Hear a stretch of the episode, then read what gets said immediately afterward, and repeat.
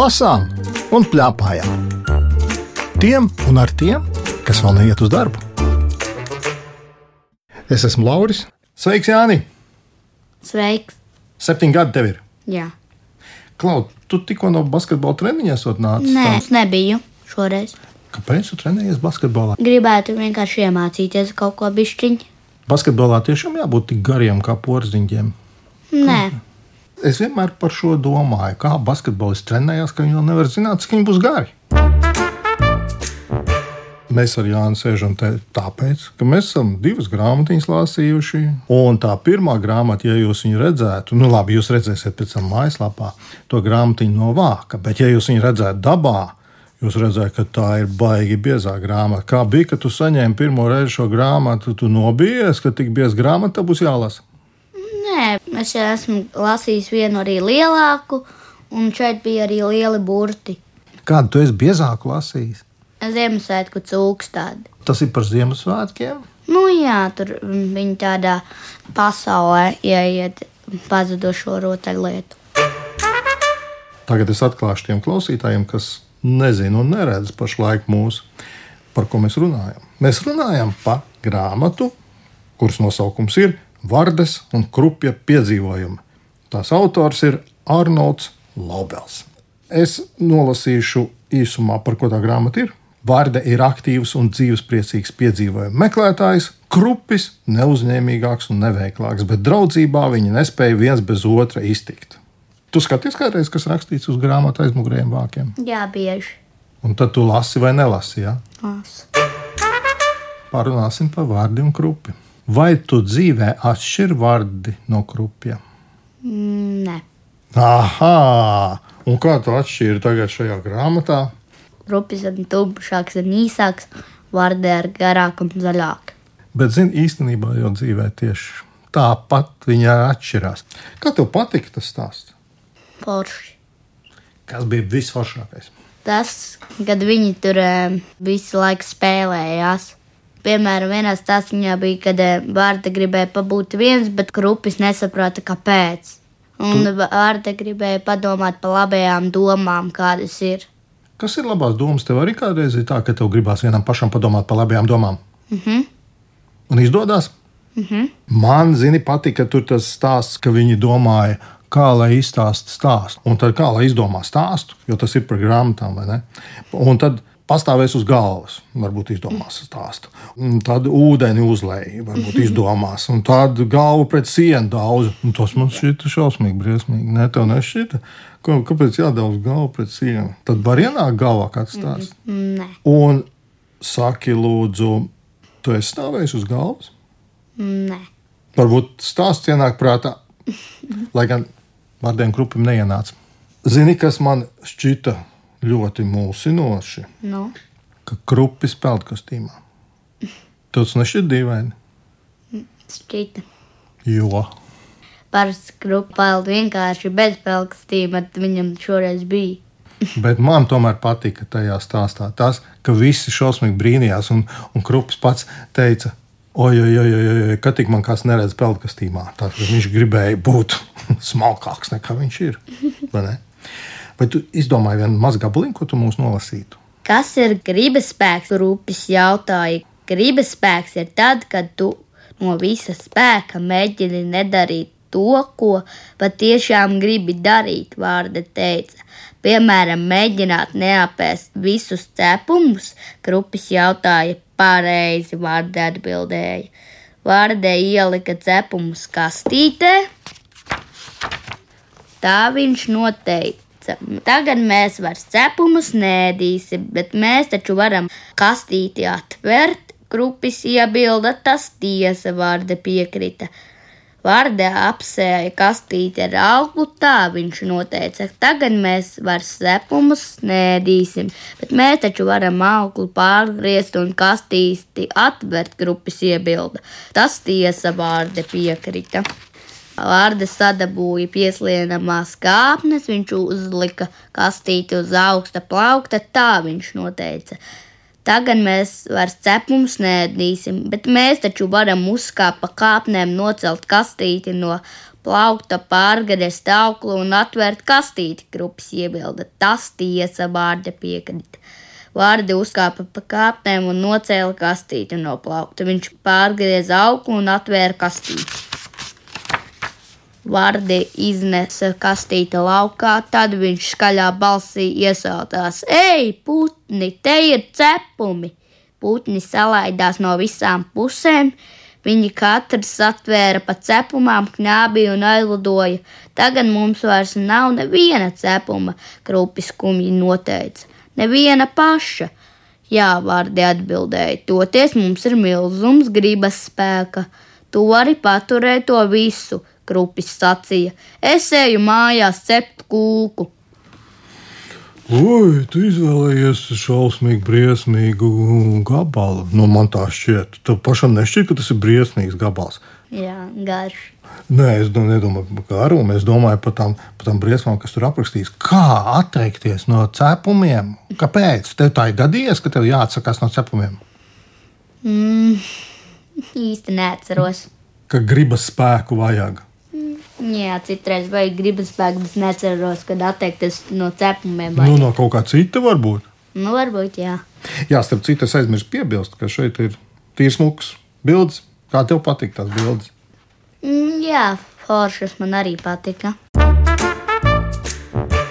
Starp citu, man arī tas gabaliņš par to gribas spēku, man arī šķita, ka to varētu lasīt. Tas bija viens no tiem, un otrs ir par to, ko es jau minēju, par to stāstu stāstīšanu.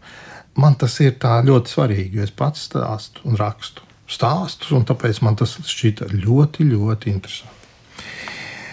Taču stāsts, ko varētu pastāstīt vārdiem, tā arī nenāca prātā. Tad grupas iegāja mājā un nostājās uz galvas. Kāpēc tu stāv uz galvas? Vārdā apvaicājās. Es ceru, ka tad, ja pastāvēšu uz galvas, man ienāks prātā kāds stāsts, grupas atbildēja. Grupis ilgi stāvēja uz galvas. Taču stāsts, ko varētu pastāstīt, vārdam tā arī nenāca prātā. Tad grupas uzgāza sev uz galvas pilnu glāzi ūdens. Kāpēc tu lej sev uz galvas ūdeni? Vārdi jautāja. Es ceru, ka uzlējot uz galvas ūdeni, man ienāks prātā kāds stāsts, Krups paskaidroja. Krups uzlēja sev uz galvas vēl vairākas glāzes ūdens, taču stāsts, ko varētu pastāstīt vārdiem, viņam tā arī neienāca prātā. Tad Krupis sāka daudzīt galvu pret sienu. Kāpēc tu daudz galvu pret sienu? Vārdi jautāja. Es ceru, ka tad, ja daudzīšu galvu pret sienu, gan stipri man ienāks prātā kāds stāsts, Krups atbildēja. Es jau jutos daudz labāk, Krupīt vārdu sacīja. Man šķiet, ka stāsts man vairs nav vajadzīgs. Tādā gadījumā kāp laukā no gultas ļauj man apgulties. Krups teica, tagad es jūtos briesmīgi. Tur vēl ir tā, ka vārde laikam sastāda, kas ir jādara šodien, un kas Ne, jādara. Liekas. Grupas, ja? mm -hmm. Viņi sastāv tādu darbu sarakstīnu. Tu esi kādreiz tādu darbu sarakstīnu sastādījis? Mm, es vienreiz gribēju tā kā izsprintēt, un, bet mamma man neļāva, tāpēc es mēģināju kaut ko uztaisīt pats. Un tad tu uzrakstīji no, ar roku. Ja? Mm -hmm. Un izpildīji to sarakstīnu. Tu tāpat kā viņi uzrakst kaut ko, un tad izpildīts nosvītro. Nu, man pašam vajadzēja gribas spēku, lai visu pabeigtu uzrakstīt. Uzrakstīt, bet gribas spēku arī izpildīt. Ne? Izdevās? Vai Beigās aiz- nē. Ne, aizmirsās kaut kur tas sarakstīns. Šitā man arī ir dažreiz gadījies. Zini. Interesanti, ko tā mamma domā par šo grāmatu. Par vārdu un krupi. Sen nebiju lasījis tādu grāmatu ar tik lieliem burtiem. Jāsaka, tas bija diezgan atsvaidzinoši. Ja sākumā likās, kā es paspēju to grāmatu izlasīt, gribās lasīt arī kaut ko nu, pieaugušo un pa kuru laiku. Tāda liela grāmata, tas man ļoti patīk, ka var tik ātri tomēr apgūt. Tas pirmais, un, un otrais. Kopumā jau tādi naivi, mīlīgi stāstīņi par diviem dažādiem tipāžiem, kurus droši vien mēs katrs eh, savā ikdienā arī kaut kā esam viens vai otrs. Un, jā, jā, izlasījās diezgan viegli, un sākotnējais izaicinājums nešķita sarežģīts.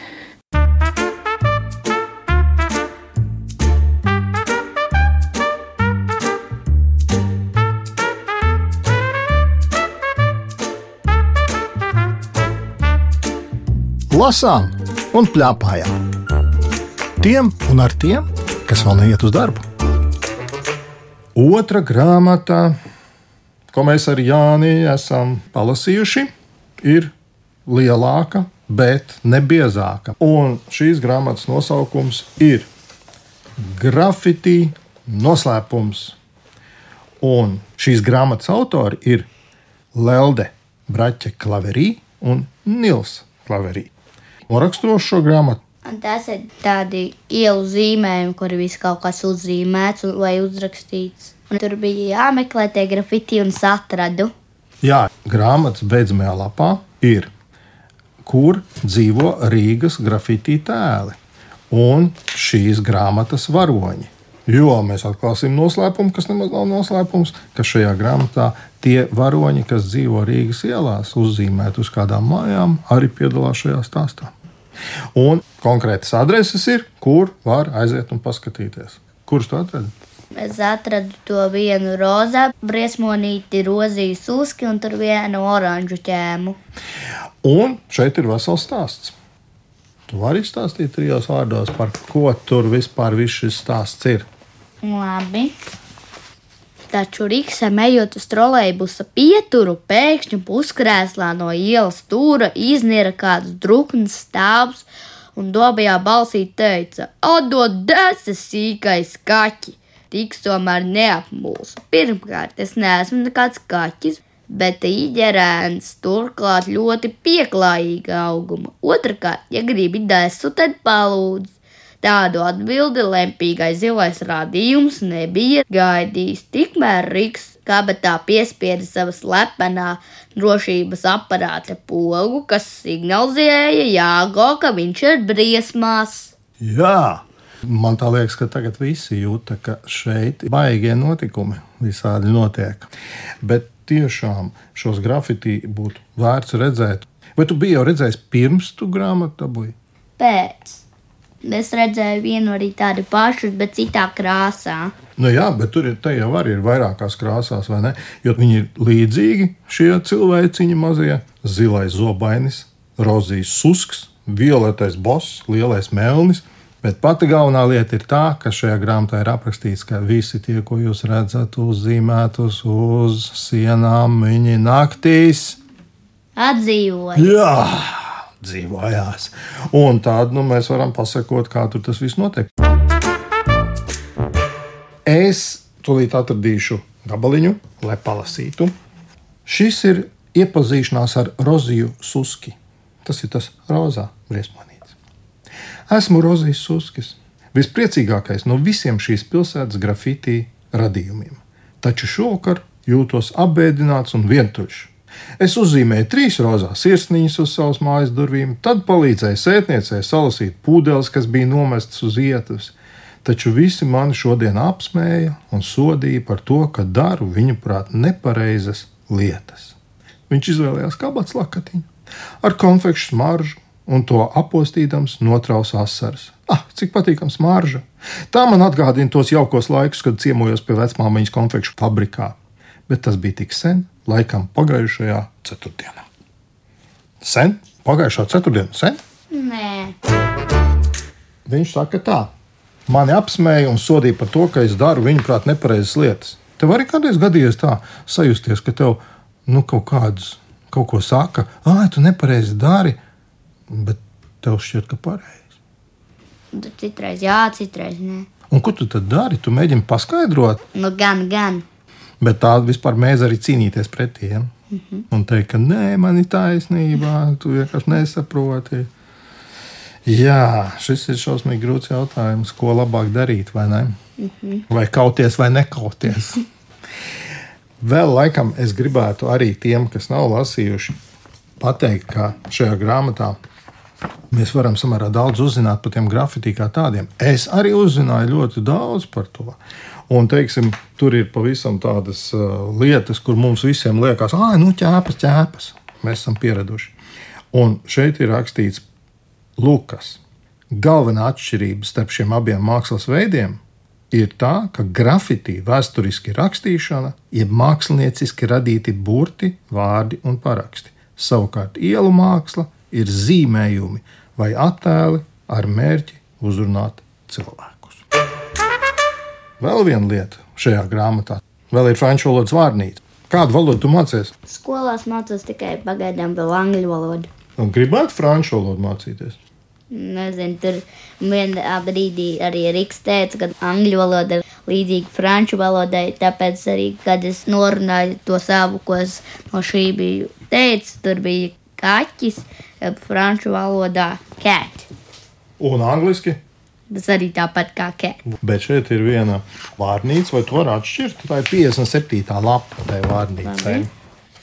57. līdz. Ir. Ir. Es tev piedāvāju, palasīsim vārnīcu. Labi, es lasīšu vienu vārdu, un tu nākamo. Es izstāstīšu klausītājiem, ir tā, ir pieci stabiņi. Pirmais stabiņš ir kā raksta franču valodā, otrais kā izrunā latviešu valodā, trešais kā izrunā fonētiski, iekavās vecākiem. Nu, tas ir kā smalki uzrakstīt to izrunu. Un ceturtais, ko nozīmē latviešu, un piektais, kurā lapas pusē šajā grāmatā to var meklēt. Nu, paņemam pirmais A, C, soir. Un kā izrunā latviešu valodā? Asesuārs. Jā, un to, ko tas nozīmē latviešu, līdz vakaram. Nu, galīgi nav līdzīgs angļu vai ne? Un, ja paņemsim tālāk, kad četras, ah, pa kaķi starp citu, rakstīts ir nevis cat, bet cat. Un kā izrunā latviešu valodā? Šā. Izrādās ne cat, bet šā. Franču valodā. Jā, un te viens pavisam interesants vārds ir. Paskaties tur drusku tālāk. Raksta tā, grenoille. Lūdzu, kā izrunā latviešu valodā? Graunī. Nē, grenui. Vai ne? Un ziniet, ko tas nozīmē? Lūdzu, Jāni, ko tas nozīmē? Vārde. Jā, mēs atgriežamies atpakaļ pie vārdas un krupjā. Tātad tas bija grenuils un krupis. Nu, baigi dažādi. Tomēr ir savādāka nekā tā angļu valoda, tā franču valoda. Tāds bija grafitī noslēpums. Interesanti, ko tev mamma par šo grāmatu teiks. Jā, grafitī noslēpums. Šo grāmatu lasīju pirmo. Patika tā sasaiste ar zīmējumiem pilsētā. Mēs arī dzīvojam netālu no dažiem tiem tēliem. Līdz ar to bija interesanti arī sameklēt tos pilsētā. Un tad man, protams, bija interesanti domāt par to, kas tad, kas tad bija pirmais zīmējums, stāsts. Nu, tā, es vairāk domāju par to tieši stāstu rašanās, tādu arheoloģiju, ja var tā teikt. Nu, jā, un vienlaikus lasot šo grāmatu, radās arī doma, ka vajag izlasīt to pirmo daļu, kas laikam ir par notikumiem Zaķu salā. Aha, jā, šī grāmatā ir pirmā daļa. Mm -hmm. Un šeit vēl ir Jāņa māsīņa arī, kas saka, Jā. ka viņa zaķu salu paskatīsies pirmo. Jā, paskatīsies Zaķu salu. Paldies! Ar Jāni plēpāja Lauris Gundars, raidījuma redaktore Agita Bērziņa, skaņu režisori Valdis Raitums un Kristīna Delle. Raidījumu vēlreiz var noklausīties Latvijas Rādio 1 mājaslapā, arhīvā un populārākajās podkāstu vietnēs. Podkāstu klausies? Nē, Mēs šo raidījumu varam paklausīties podkāstā. Tiekamies!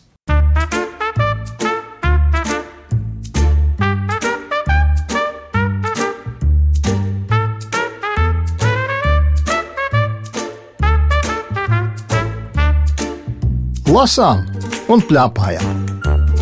Tiem un ar tiem, kas vēl neiet uz darbu.